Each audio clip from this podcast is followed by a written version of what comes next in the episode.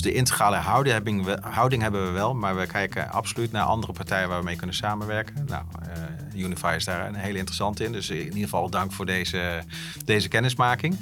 Ehm, en ik Overigens, ze zie... kijken elkaar nu eh, niet liefdevol aan hoor, maar eh, wel waarderend. Welkom bij deze alweer vierde sessie in de serie podcast over verduurzaming van bedrijventreinen. Eh, vandaag eh, gaan we het hebben over eh, samenwerking. Mijn naam is Richard Kleefman. Ik ben programmamanager van het programma PVB Nederland. Programma Verduurzaam Bedrijventreinen Nederland.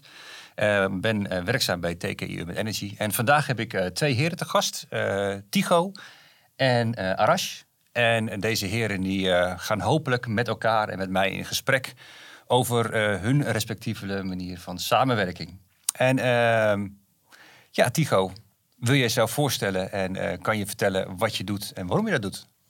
Nou, allereerst dank eh, voor de uitnodiging. Eh, leuk om hier te zijn en dit gesprek met elkaar te voeren. Ik ben Tycho Thomassen. Ik ben directeur van Energiemarken. En Energiemarken houdt zich bezig met warmte- en koude exploitaties in Nederland voor woningbouwprojecten. En dat doen wij vanuit kantoor Apeldoorn. En Apeldoorn Noord, daar staat ons kantoor. En daar ben ik in 2018 met het initiatief begonnen. Dat heet Energiehaven.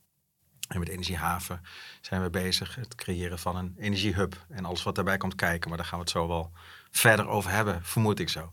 Het zou zomaar kunnen. Arash, ehm kan je er overheen? Eh, nee, daar ga ik niet overheen. Nee, mijn naam is eh, Arash Azami en heel veel dank voor deze uitnodiging. En ik ben oprichter van Unify Energy. Eh, en Unify, dat gaat over samen. Eh, de naam zegt het al, samen meer zijn dan de som der delen. Eh, en dat betekent eh, spullen op zo'n manier met elkaar laten werken dat ze samen meer zijn dan de som delen. Maar ook gemeenschapsopbouw. Want uiteindelijk hebben we het ook over energiegemeenschappen. Waarvan de individuele leden samen meer zijn dan de som delen. En eh, daar mag ik mij dagelijks mee bezighouden. Deels vanuit ons kantoor in Rotterdam. aan het Stationsplein. En ja, voor de rest eigenlijk door heel Europa. Gaaf. Nu had ik, eh, voordat ik deze eh, podcast eh, begon, had ik eigenlijk in mijn gedachten van, nou ja, dat zijn twee totaal verschillende heren. Eén zit veel meer in de techniek en de andere zit veel meer in de, de zachtere kant, om het zo maar te zetten, in de comments. Maar in het voorgesprek dat we net hadden, heb ik dat eigenlijk al een beetje los moeten laten. Ehm, eigenlijk wil ik gewoon vragen aan jullie, hebben jullie vragen aan elkaar?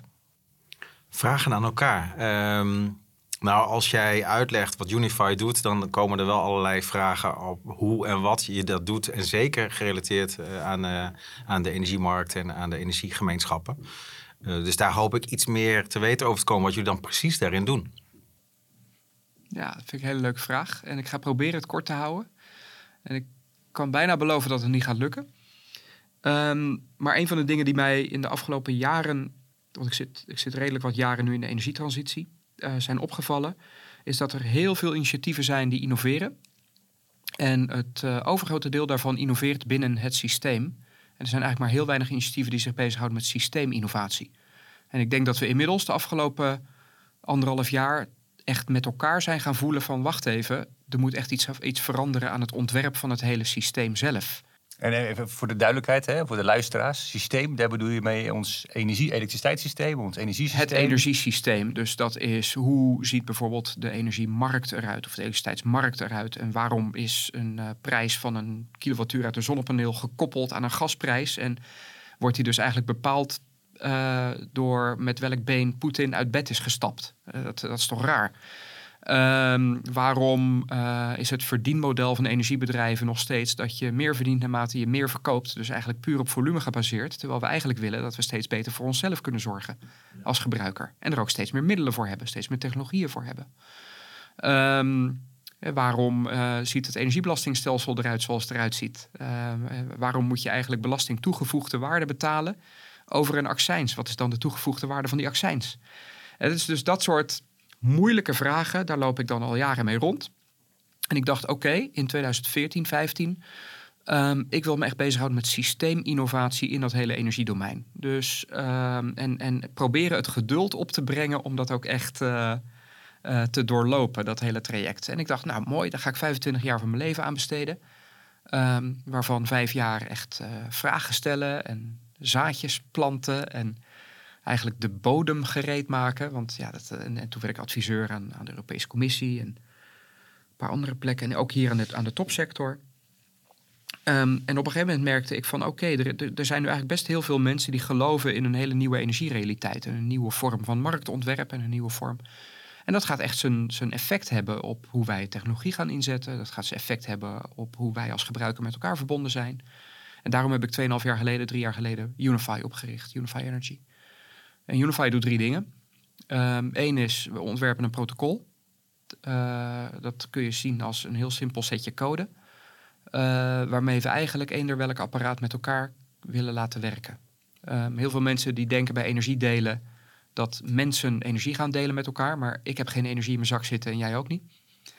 Uh, uiteindelijk is het een zonnepaneel en een koelkast. Die moeten met elkaar gaan rooien. dus hoe automatischer je dat kunt laten lopen, hoe beter.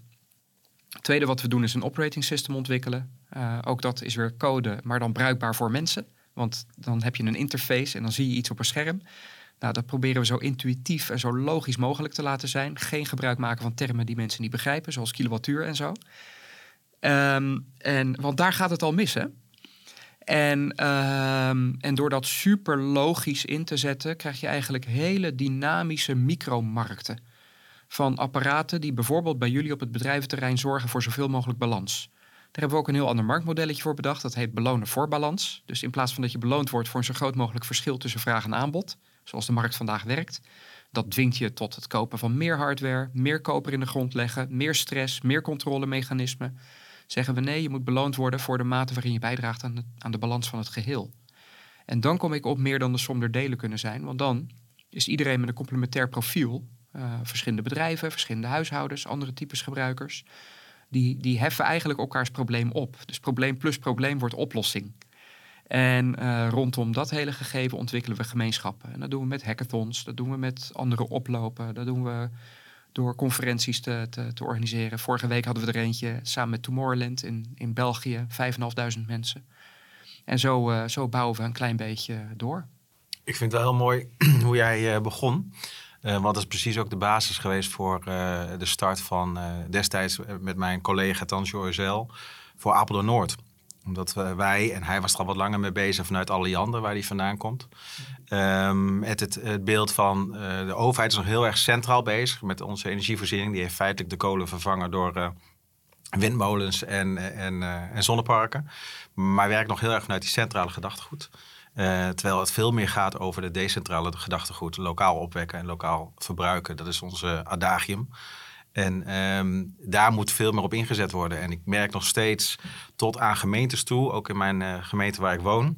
Als je kijkt naar wat voor opgaven ze hebben, dan wordt er geredeneerd van zoveel zonneparken en zoveel windmolens moeten we plaatsen. Er wordt helemaal niet gedacht vanuit andersom. We hebben een woonwijk, we hebben een dorp, we hebben een industrieterrein. En hoe gaan we ervoor zorgen dat die zelfvoorzienend wordt? En hoe gaan we dat aan elkaar verbinden? Nou, dan draai je hem feitelijk om. Dus ik vind het heel mooi uh, wat jij, Arash, net, uh, net hebt toegelicht. Want dat is helemaal koor op onze molen. Wat, ja. wat doe jij? Want hè, ik heb al eerder met jou gesproken, dus ik weet wel wat jij doet. Maar Arash weet dat natuurlijk niet. Ja. Dus, dat is een aanname. Maar wat, wat, wat jij, wat de, hij De luisteraar weet dat ja, natuurlijk precies. niet. Ja. wat Arash schetst, dat ben jij voor een deel ook aan het doen in Apeldoorn. Ja. ja, en een aantal dingen. Uh, ik ben met een aantal initiatieven bezig en die raken elkaar ook weer. Uh, zoals ik zei, ik ben directeur van energiemarken, warmte-koude exploitaties. Maar als wij uh, steeds meer last van netcongestie krijgen, ga ik straks ook problemen krijgen met mijn warmte-koude exploitatie. Want er is geen elektra om, om het systeem te laten draaien. Um, dus daar ben ik ook aan het kijken naar hoe gaan we ervoor zorgen dat we daar toekomstproof uh, worden. Maar ik ben in 2013 met het bedrijf HVE begonnen. Daar is het eigenlijk ooit mee begonnen. Uh, en dat was het verduurzamen van bedrijven, verduurzamen van bedrijfsterreinen. En al vrij snel toen ik met Tanzo in contact kwam, uh, zijn we gaan kijken naar hoe gaan we dat meer vanuit die energiehub gedachte doen. En Apeldoorn Noord was ons eerste project, logisch, daar zaten we zelf. Maar ook logisch omdat daar VNO-NCW de regiokantoor zit. En met Rijn Plateel zijn we destijds in gesprek geraakt, de voorzitter. Uh, van joh, VNO-NCW wil ook dat er veel meer aandacht komt. Uh, 2018 zijn we inmiddels. Voor die bedrijventreinen. Omdat daar een enorme uh, slag te maken is. Zowel qua verbruik, maar ook qua opwekmogelijkheden. en zo is het balletje daar gaan rollen. En is Apeldoorn de pilot geworden. En zoals jij net al bij je introductie aangaf, Richard, ehm, wij zijn in eerste instantie vanuit het, de bedrijven gestart en communicatie over het initiatief. En ik zeg met de lessons learned, daar gingen, gingen we eigenlijk te groot. En daar kwamen we achter dat we toch heel veel vragen kregen die we nog niet konden beantwoorden, maar ook heel veel weerstand. Er was nog geen echt net congestieprobleem in 2018, 19. Die kregen ze nog. Ehm, en uh, vervolgens hebben we gezegd van laten we dan wat kleiner maken, maar laten we wat meer gefocust op de software en de techniek. En daar zijn we in gesprek geraakt met, uh, met Viran. En Viran heeft, uh, had destijds al grid control, maar dat is doorontwikkeld. En grid control houdt zich bezig met het, ja, het delen van aansluitcapaciteit. En daarmee ook het delen van energie. Um, dus je gaat de data meten, je gaat het uitwisselen en vervolgens ga je dat koppelen aan de beurs om uh, dat wat je over hebt te verkopen of wat je tekort komt uh, in te kopen. Dat principe hebben we met Vieran ontwikkeld in software met vijf bedrijven, gewoon heel klein, die wilden meteen meedoen. Um, en, um, en dat zijn we gaan, gaan testen. Dat hebben eh, in, in, in twee jaar tijd hebben we dat getest. En dat is afgelopen maart opgeleverd als het werkt en we kunnen dat doorontwikkelen. En dan kom je een stap groter. En daar zitten we nu in. Weer terug naar de bedrijven meenemen. Dit gaan we doen. Dit is een stip op de horizon. Er is een, een coöperatie in oprichting. En uh, willen we het wat grootschaliger neer gaan zetten. Uh, maar dan kom je ook bij de ATO's uit. Dus dan moet je met een netwerkbedrijf, in ons geval Liander, om tafel. Oké, de contracten moeten anders. Nou, dat is nog wel een, een redelijke weg die je moet gaan dan. Want daar staan we nog redelijk aan het begin als Nederland qua contracten. En um, dus wij zijn met die software aan de slag gegaan. En we zijn ook gaan kijken, oké, kunnen we al wat assets gaan toevoegen? Want de basis is heel erg die vijf bedrijven met hun verbruik en hun eventueel zonnepanelen. Want lang niet allemaal hadden ze zonnepanelen. Uh, maar het doel is er ook omdat er een behoorlijk. Uh, er zitten 250 bedrijven op het terrein. En het zijn echt bedrijven van de schilder met zijn, uh, met zijn kantoortje en, en een opslag. Tot aan Hanos met enorme koelcellen en enorme grote loodsen. En ook Liander zitten zelf. Dus een beetje de diversiteit waar Rasje op doelt, zeg maar, hè, om, het goed voor elkaar te krijgen, dat is eigenlijk daar. Ja, hier is een enorme diversiteit. Dat maakt hem ook tegelijkertijd heel complex. Uh, misschien is het wel makkelijk om te zeggen, we hebben vijf hele grote bedrijven en daarmee gaan we schakelen. Dus je hebt omvang, maar je hebt ook verschillende, uh, verschillende aansluitingen. Van kleinzakelijk tot grootzakelijk. Nou, dat is een hele andere uh, dynamiek. Ehm, dus we staan nu aan de vooravond van opschaling en met die bedrijven verwachtingen goed managen. Uh, wat kan nu en wat kan uh, over een paar jaar en wat heb je eraan? Het mooiste voorbeeld wat ik steeds herhaal is een bedrijf die naar mij toe kwam en die zei... Dat is mooi wat jullie daar doen. Um, ik heb hier een voorstel van Vattenval liggen en doen jullie ook maar een voorstel voor de hub. Toen zei ik nou, dat is niet het principe wat we hier aan het uh, doen zijn. We zijn met elkaar bezig om een energiehub te creëren waarmee je op de lange termijn grip op je energie krijgt, grip op je energiekosten, maar niet een of andere offerte die van ons krijgt en of die dan een paar cent goedkoper is dan, uh, dan een Vattenval of wie dan ook. Dus dat, is wel een hele, dat geeft wel heel mooi weer wat de dynamiek is. En, en ondernemers die er heel enthousiast over zijn, tot ondernemers die er niks mee hebben of uh, je eigenlijk een beetje buiten de deur houden. Alles wat daartussen zit, kom je tegen. Dus het vraagt heel veel communicatie, planning, uh, stapje voor stapje iedereen er meenemen. Maar ook, is het ook niet, hè, dat hoor ik Aras ook zeggen. Dus dat, uh, wat jullie doen zijn, dat, uh, ik vind het prachtig hoor. Ik heb het meerdere keren gezien en ik, lees er veel over. Maar tegelijkertijd is het ook best wel een, een vanuit de ondernemingen en vanuit de, de, de markt een vrij behoudende manier van kijken naar het energiesysteem. En als ik jou hoor, zeg maar, hè, dan eigenlijk wat er tegenover staat, is een compleet nieuw, nieuwe manier van kijken naar onze energiehuishouding. Uh, maar als ik dat vertaal, jouw beeld naar een bedrijventerrein, uh, bijvoorbeeld dat, dat voorbeeld dat heeft, hè, want ik, ik denk dat daarmee prachtige stappen gezet zijn, dat ze in de juiste beweging zitten. Maar als je het zo hoort, wat is dan jouw eerste gevoel daarbij? Ja, het is allereerst een feest van herkenning. Uh, zijn een hele hoop haakjes die ik net hoor. Um, kijk, je bent, je bent ook bezig eigenlijk met, met dat nieuwe systeem. en, en, en ook al jaren bezig met wat zijn daar dan de ontwerpprincipes die daaronder liggen. Want die zijn anders. Ja. Want, want je, je, je regelt het niet meer van een of ander heel groot machtig centrum naar buiten toe, naar de haarvaten toe. Nee, je, je lost het probleem op vanuit de haarvaten en brengt dat naar binnen toe. Ja. Um, en dan kom je op een gegeven moment op hobbels. En die hobbels die zijn ontworpen in het systeem waar we vandaag nog in zitten. En die hebben te maken met hoe de wetgeving in elkaar zit. Die hebben te maken met hoe de rol van een netbeheerder is gedefinieerd. Die hebben te maken met uh, wat we belangrijk vinden. Uh, want we hebben nog steeds bijvoorbeeld een hele, hele, hele belangrijke term, leveringszekerheid. Maar in dat woord zit levering. Dat, dat, dat impliceert de afhankelijkheid van een leverancier. Dat is iets heel anders dan energiezekerheid. Energiezekerheid kun je prima zelf oplossen, namelijk door ja. systeemintegratie toe te passen. Door opwek en opslag en buffering en conversie bij elkaar te zetten. En met elkaar te laten werken. En als ik kijk naar wat zou nou in de basis de functie zijn van een energiehub, dan is dat precies dat. Dat is een plek waar je verschillende functies en rollen en verantwoordelijkheden in het energiesysteem bij elkaar brengt. En op zo'n manier laat werken dat je daarmee gezamenlijk veel minder afhankelijk bent. Je creëert autonomie. En is, is daarmee samenwerking, is, sorry, is daarmee een energy hub dus eigenlijk niks anders dan een vorm van samenwerking?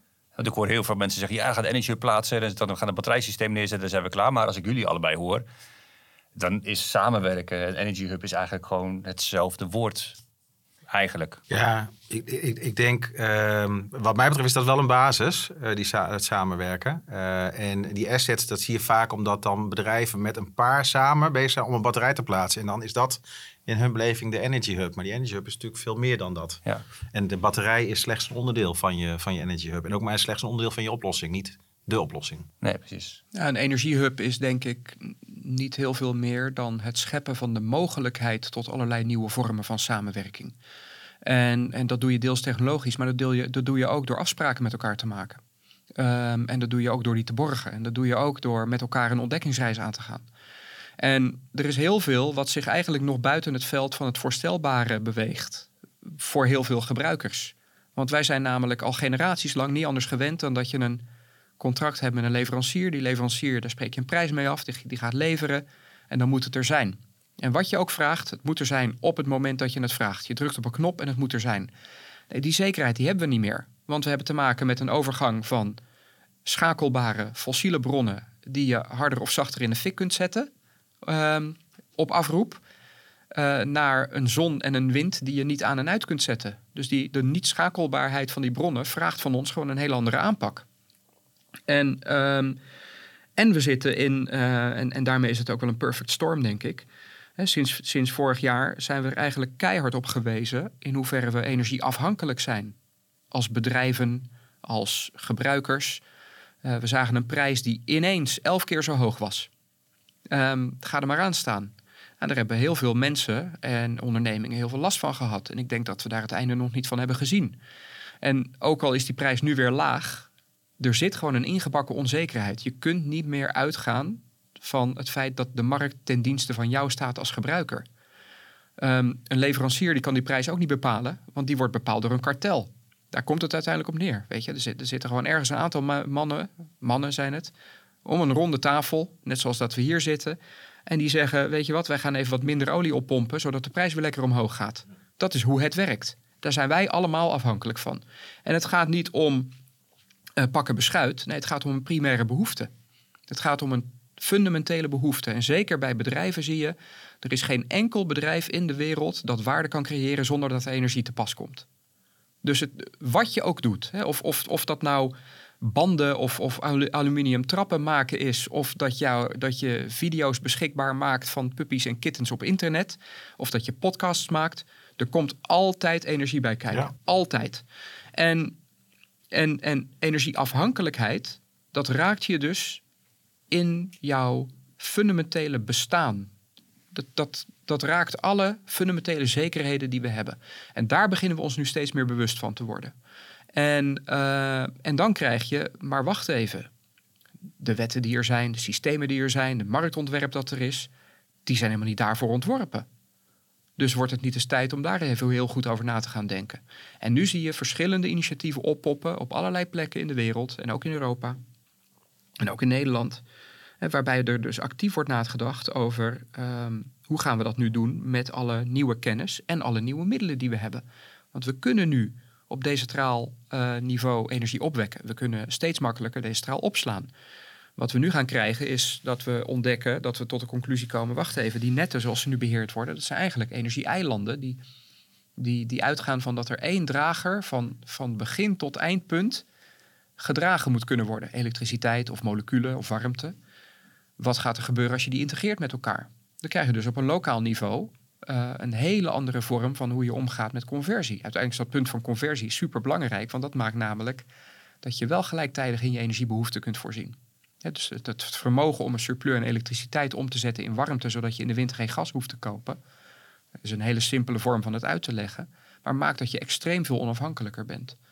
Um, en die mechanismen, die worden nu herkend door de Europese Commissie. Dus in feite, wat je schetst, hè, is dat we in Nederland in een uh, eigenlijk, als ik jou zo hoor, dat we in een systeem zitten wat niet meer uh, wat moet gaan veranderen. En wat niet meer van deze tijd eigenlijk is, gelet op wat we nodig hebben. En uh, merk jij in de praktijk, uh, Tycho, de, de beperkingen van het huidige systeem? Hè? Dus waar Arash over praat, deels in theorie, maar ook absoluut in praktijk. Want ik ken je ook uit de praktijkverhalen.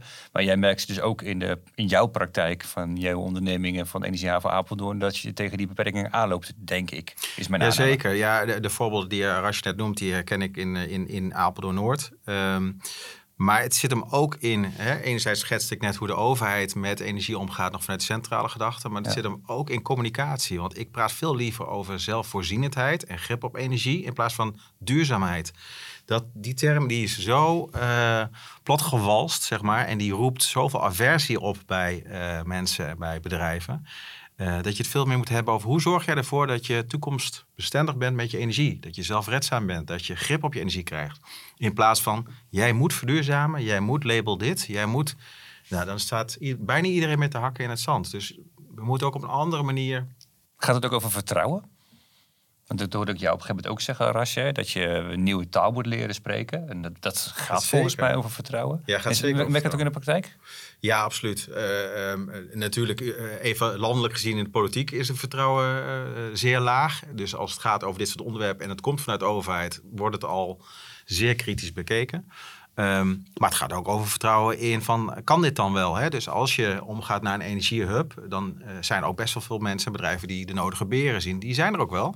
Alleen ik zie ze liever niet als beren, ik zie ze, zie ze liever als hobbels waar je even overheen moet om uiteindelijk je doel te bereiken. Maar een hele basale, ik ga toch zeker niet mijn energie delen met mijn buurman, dat is mijn energie. Ja, bijvoorbeeld, ja.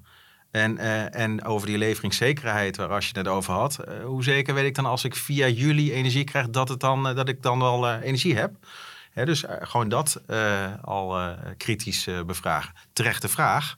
Maar het is niet anders dan, uh, dan dat een energiebedrijf dat zou doen. je gaat het model iets anders, uh, iets anders inrichten. Ik gebruik zelf wel eens het uh, voorbeeld hè, dat als wij niet dat die vertrouwen hebben, maar dat ik dan wel, maar er zijn mensen die het niet hebben. Dat als je je financiën op orde wil brengen, dan haal je een accountant erbij. Nee, dat, dat, dat, dat, is zo geregeld in Nederland. Hè? Dan heb je een accountant die dat doet voor jou. Voor energie doen we dat niet. Ja, we hebben dan een netbeheerder of een energiebedrijf, zeg maar. Hè?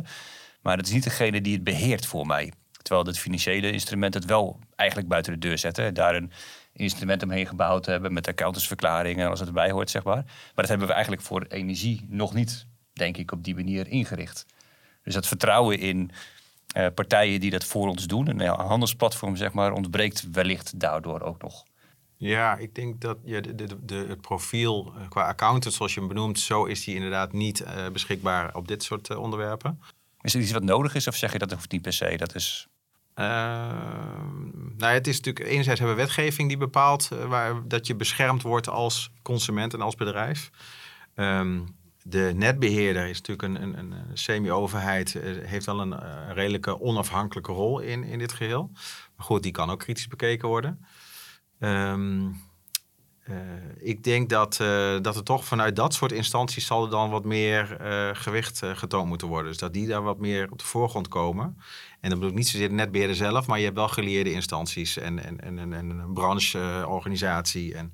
Maar hoe werken jullie aan vertrouwen binnen Energiehaven Apeldoorn? Hoe, hoe gaat dat? Is dat laten zien dat het werkt? Of hoe, ja, uiteindelijk is het laten zien dat het werkt. Dus vandaar dat het ook zo belangrijk voor ons was om die pilot te doen. En te ja. laten zien dat het voor die vijf bedrijven werkt. Ook vanuit die redenatie uh, grote groep vanuit communicatie was lastig. Klein voorbeeld kun je meteen weer laten zien aan de buurman. Dus uh, dat heeft ook een ambassadeurseffect. Ja. Um, en ook laten zien vanuit welke keten je doet. Het is niet alleen op dat met energiehaven of HVE vanuit de fase daarvoor. Maar je doet het met de gemeente Apeldoorn. Je doet het met een Vieran, die ook daar een, een, een goede naam in heeft. Je doet het met Liander. Je doet het met Veno en Er zijn best wel wat partijen aan verbonden, waardoor je uh, ook laat zien... het is niet zomaar iets wat we hier aan het, uh, aan het doen zijn. Maar dan nog, er zijn natuurlijk genoeg ondernemers die heel kritisch hierop zijn. dus dat hou je toch. Dus dan blijft het met goede voorbeelden en goede praktijk laten zien. En bij jou? Hoe ga jij daarmee om? Want het is natuurlijk ook iets wat in jouw wereld, zo maar te zeggen, uh, leeft en speelt. Ja, het is heel herkenbaar. En ik, ik moet een beetje terugdenken aan uh, weet je, die, die, die gevleugelde uitspraak van Henry Ford. Als je ze gevraagd zou hebben wat ze willen, dan zouden ze zeggen een sneller paard. En ondertussen kom je aanzetten met een auto. En een auto ja, is toch te mooi om waar te zijn.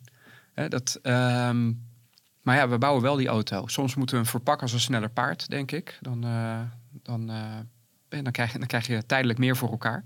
Maar van binnen moet het eigenlijk al lang uh, dat hele nieuwe ding zijn.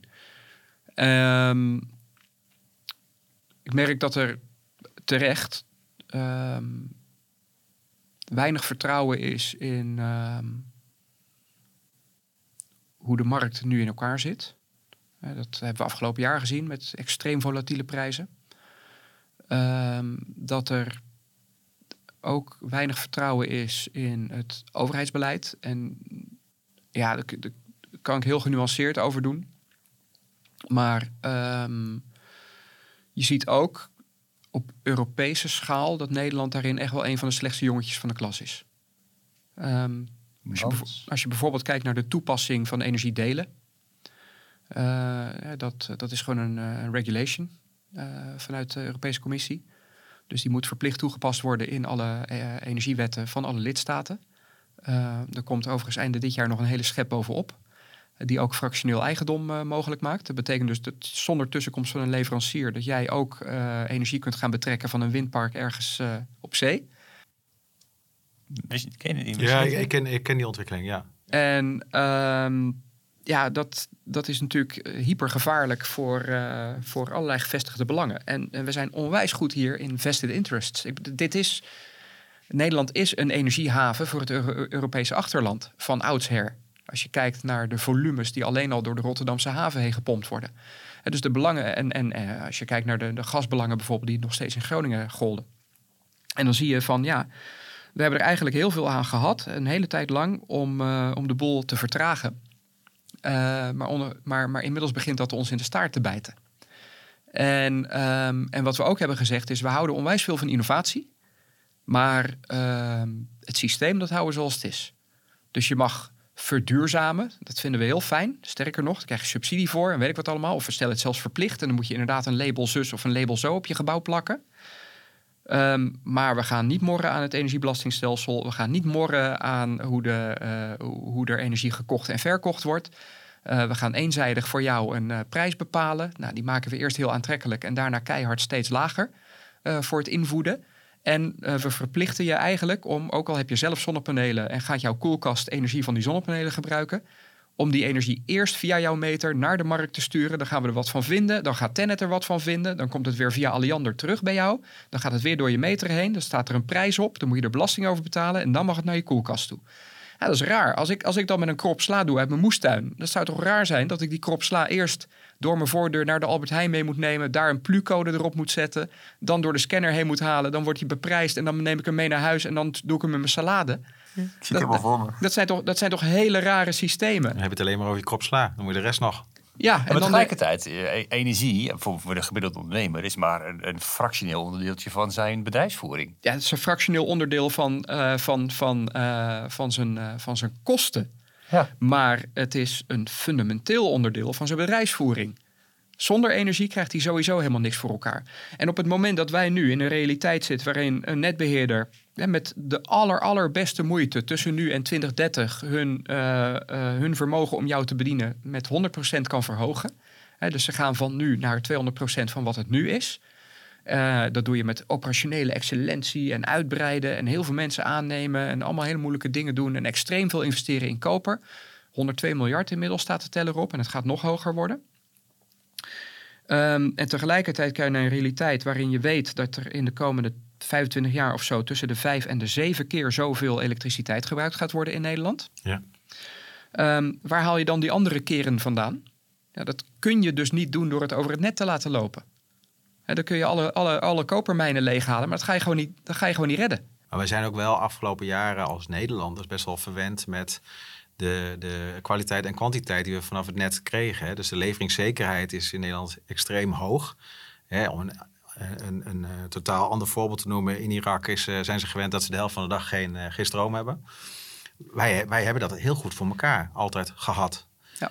Maar nu zie je het in een versneld tempo, zie je dat we daar gewoon in, in, in, in een risicohoek komen, omdat het niet meer haalbaar is met het voorbeeld wat jij net ook geeft. Dus ook al is het maar een fractioneel onderdeel van de bedrijfsvoering, het wordt steeds en steeds en steeds belangrijker. En ik hoor ook wel eens, hè, ik bedoel, wij doen het programma Verduurzaam Bedrijventerreinen. En uh, we krijgen heel vaak de vraag van ja, dan moet je naar die bedrijventerreinen gaan die in een gebied met netcongestie liggen. En mijn stelling is, nou, dat kan en dat moet je ook vooral doen. Want daar is een acuut probleem. En je moet zorgen dat het geen uh, quick fix gaat worden, uh, maar een lange termijn oplossing. Maar laten we alsjeblieft ook gaan kijken naar die bedrijventerreinen waar het nog niet is. Om te voorkomen dat er nieuwe problemen gaan bestaan, ontstaan. Ja, want juist... de, de, de, werkelijkheid is ook dat je in 2016, 17, 18 werd je gewoon de Kamer uitgestuurd als je het woord congestie ging gebruiken, want dat was verboden. Ja. En, en, en, en, um, en, en, en tegelijkertijd is de realiteit vandaag dat het vestigingsklimaat voor bedrijven in Nederland achteruit aan het rennen is. Dat ja. gaat kei en keihard. En je zegt inderdaad, het, um, misschien wel terecht, we moeten ons richten op die bedrijven die in terreinen liggen waar een congestieprobleem is. Ja, dat zijn er inmiddels 2000 van de 3.500 in Nederland. Ja. Dus dat is echt niet meer een niche. Nee. He, dat, is, dat, is een, dat, is, dat is ruim meer dan de helft en groeiende. Um, en, maar er ligt toch een enorme kans ook voor, voor wat jullie aan het doen ja, maar zijn. Dat is een mega kans. Ja. Dus Ja. en, en, en ik snap de netbeheerder ook, hè, die op dit ogenblik ook zegt van ja, we hebben echt, we zetten alles op alles en in 2029 ben je de eerste die een, uh, die een zwaardere netaansluiting krijgt.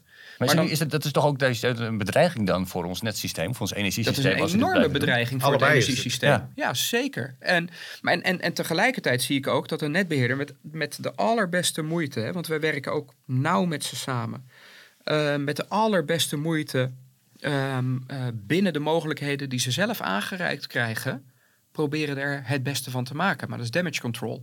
En tegelijkertijd zie je ook van ja, als je een systeemoplossing aanbiedt, betekent dat feitelijk dat er minder volume over je meter gaat. Maar minder volume over de meter betekent minder omzet en minder winst voor een energieleverancier.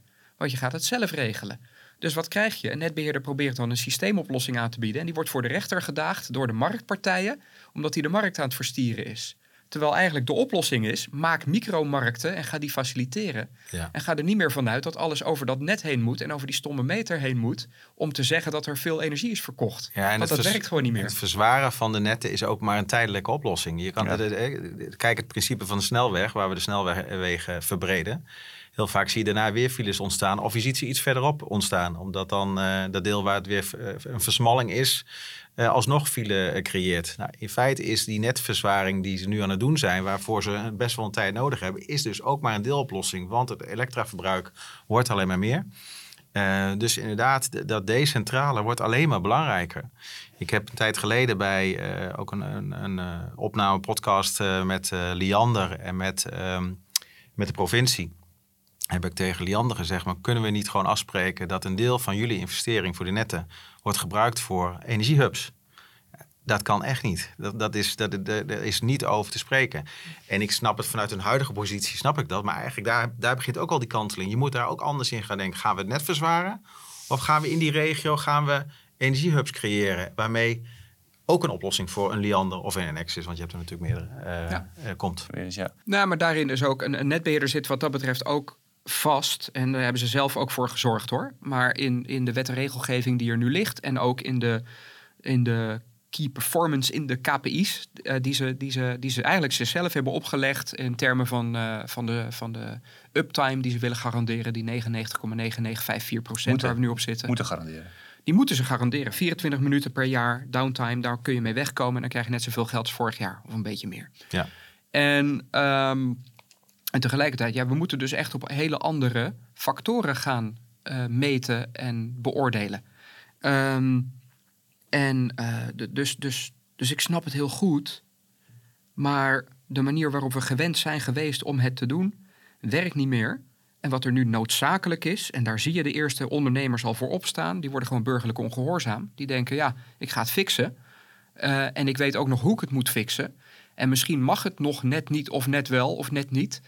En als ze dan komen uh, met, uh, met een rechtszaak, dan stuur ik ze door naar Brussel. Dan mogen ze daar gaan uitleggen waarom wij ons niet hoeven te houden aan de Europese wetgeving.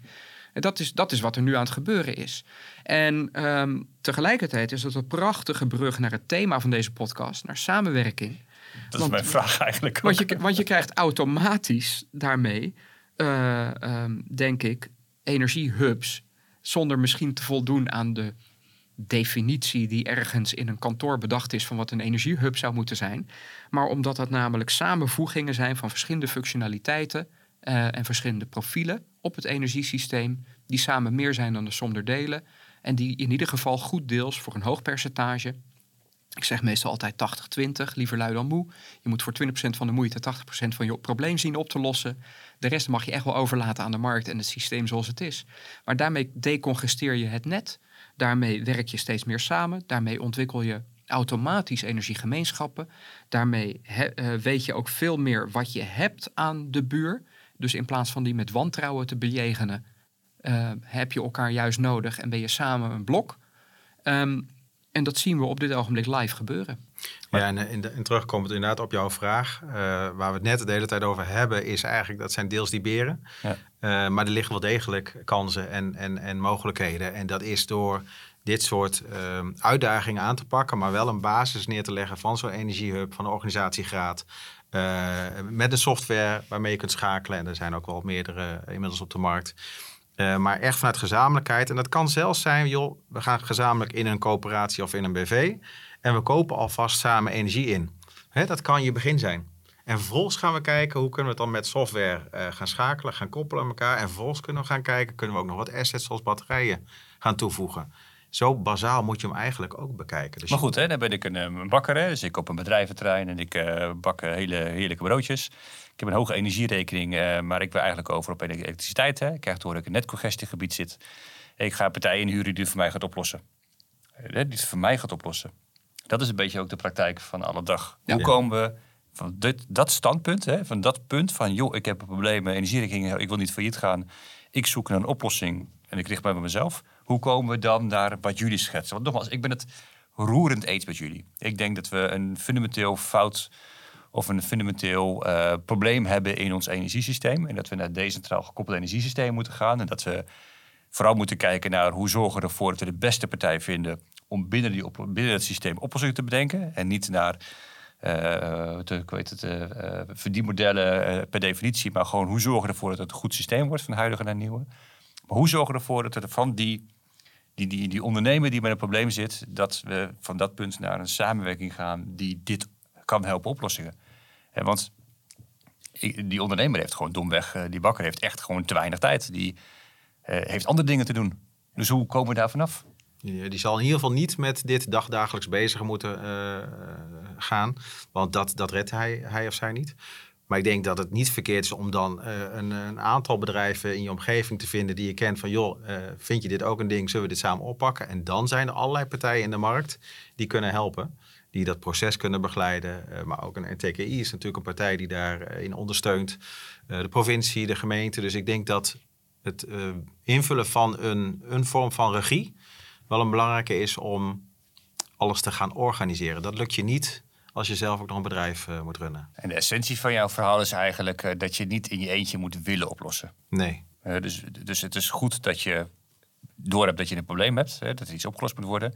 Maar eigenlijk is de oproep van jou, los het alsjeblieft niet in je eentje op, want dat is geen oplossing. Nee, klopt. In, in, een simpel voorbeeld, als je als bedrijf zelf, en ook al heb je een grootzakelijke aansluiting en verbruik je veel bij uh, een Liander, maar laat ik ook andere noemen, Enexis en, en Stedin uh, aanbelt, is het lastiger om uh, door te komen dan wanneer je zegt, we hebben hier een bedrijventerrein, we zijn hier met 250 bedrijven, we hebben dit aan, aan verbruik, we hebben dit aan opwek, wij moeten praten. Dat is een hele andere insteek. Ja. En Rash?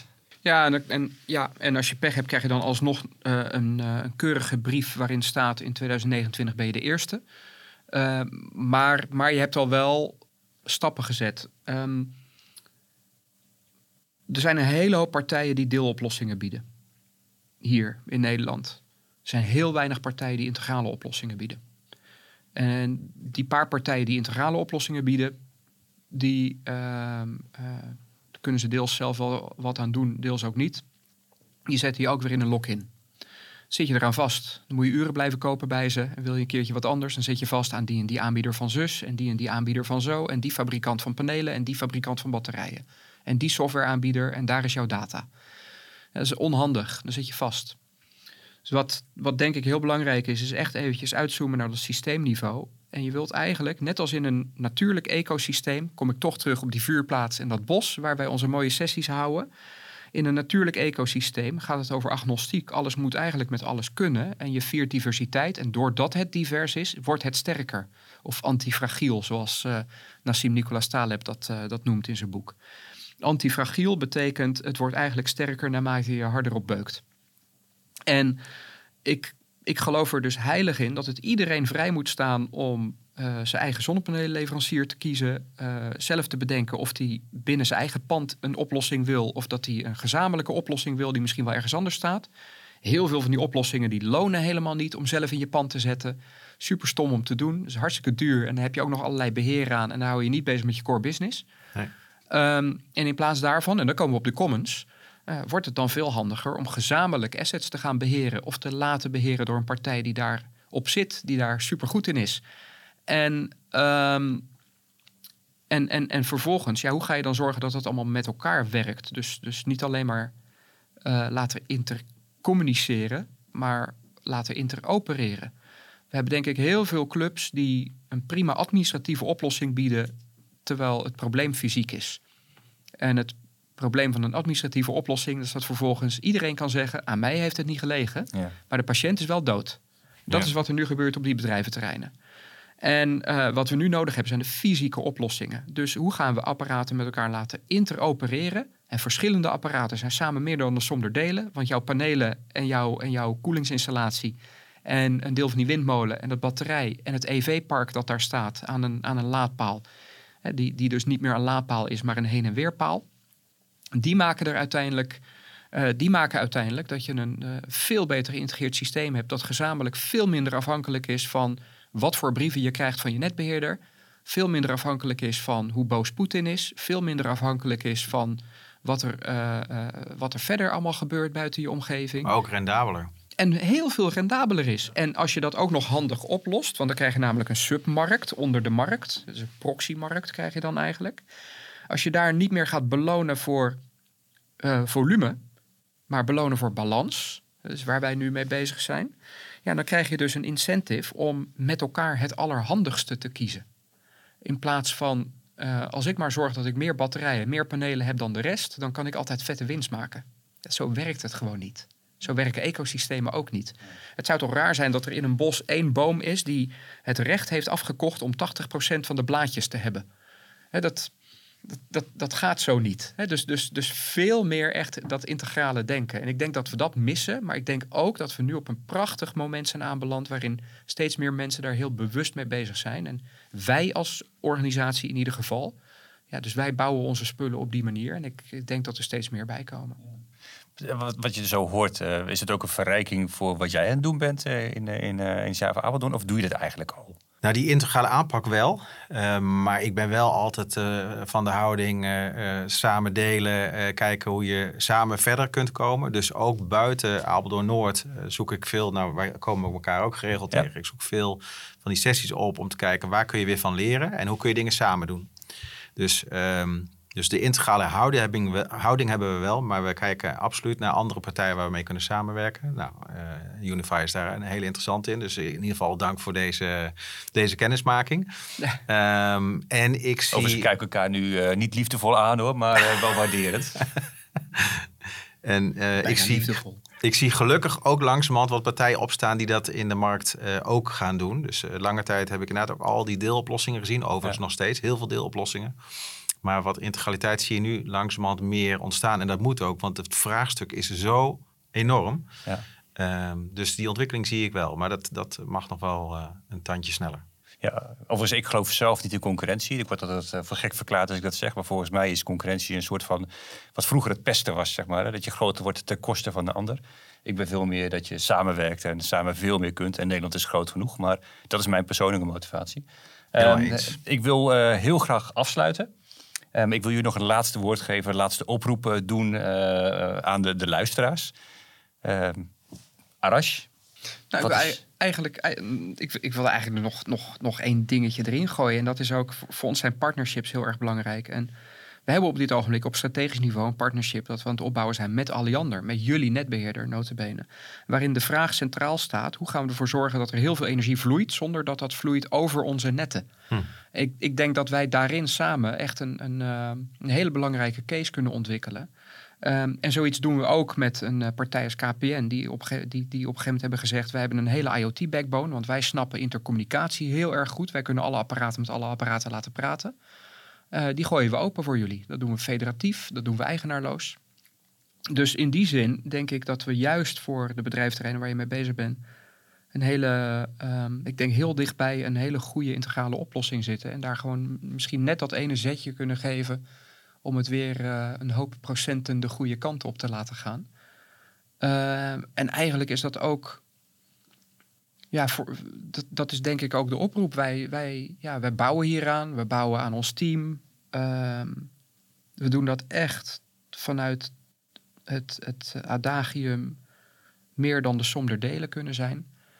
En, ehm, en we, weten dat, uh, we weten dat de problemen mega zijn. Uh, maar we zien dus ook de enorme kans van de oplossingen. Uh, en wij zijn er klaar voor om wat dat betreft hier en daar wat burgerlijk ongehoorzaam, maar wel aan echte oplossingen te werken. Het klinkt als een handreiking. Nou, ik pak uh, die handschoen in ieder geval graag uh, op. En uh, laten we daar nog eens even op doorpraten. Want ik denk dat dat absoluut de weg is om, om te gaan. Dus bij deze ga ik graag met je in, in een gesprek verder. Ehm, en ik denk dat het ook goed is in het kader van een oproep richting de luisteraars. Om op welke manier ze ook bezig zijn met energie. En of ze dat nou vanuit die bakker doen of vanuit een grote partij. Ik denk dat het goed is om dat kenbaar te maken bij de, bij de partijen in de markt, zoals bijvoorbeeld ook een TKI. En te kijken naar integrale aanpak en regie op dit soort projecten. Om daarmee wat meer slagvaardig te zijn. En ik denk dat jullie ook wel weten welke partijen daar in de markt daarvoor zijn. Absoluut. Ja. Dus ik denk dat het wel goed is om niet te veel te zwemmen. Ik denk dat er al ook wij hebben vanaf 2018 zijn we bezig geweest met dat traject.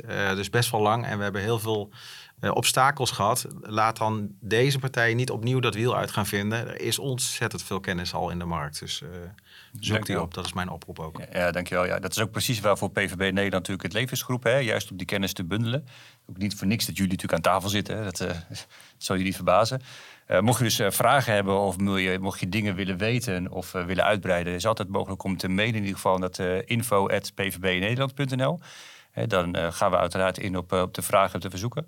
Um, jullie zijn uiteraard ook, zelf te bereiken. Um, via onze website uh, kun je ook informatie vinden over zowel Tigo als, uh, als Arash. Die zullen beschikbaar zijn. Uh, voor nu hartelijk dank voor jullie deelname. Ik vond het een bijzonder leuk gesprek. En ik ga zeker nog vaker met jullie praten. Ehm, dit was inmiddels dit is de afsluiting van de inmiddels alweer vierde aflevering van de Duurzaam Bedrijventerreinen.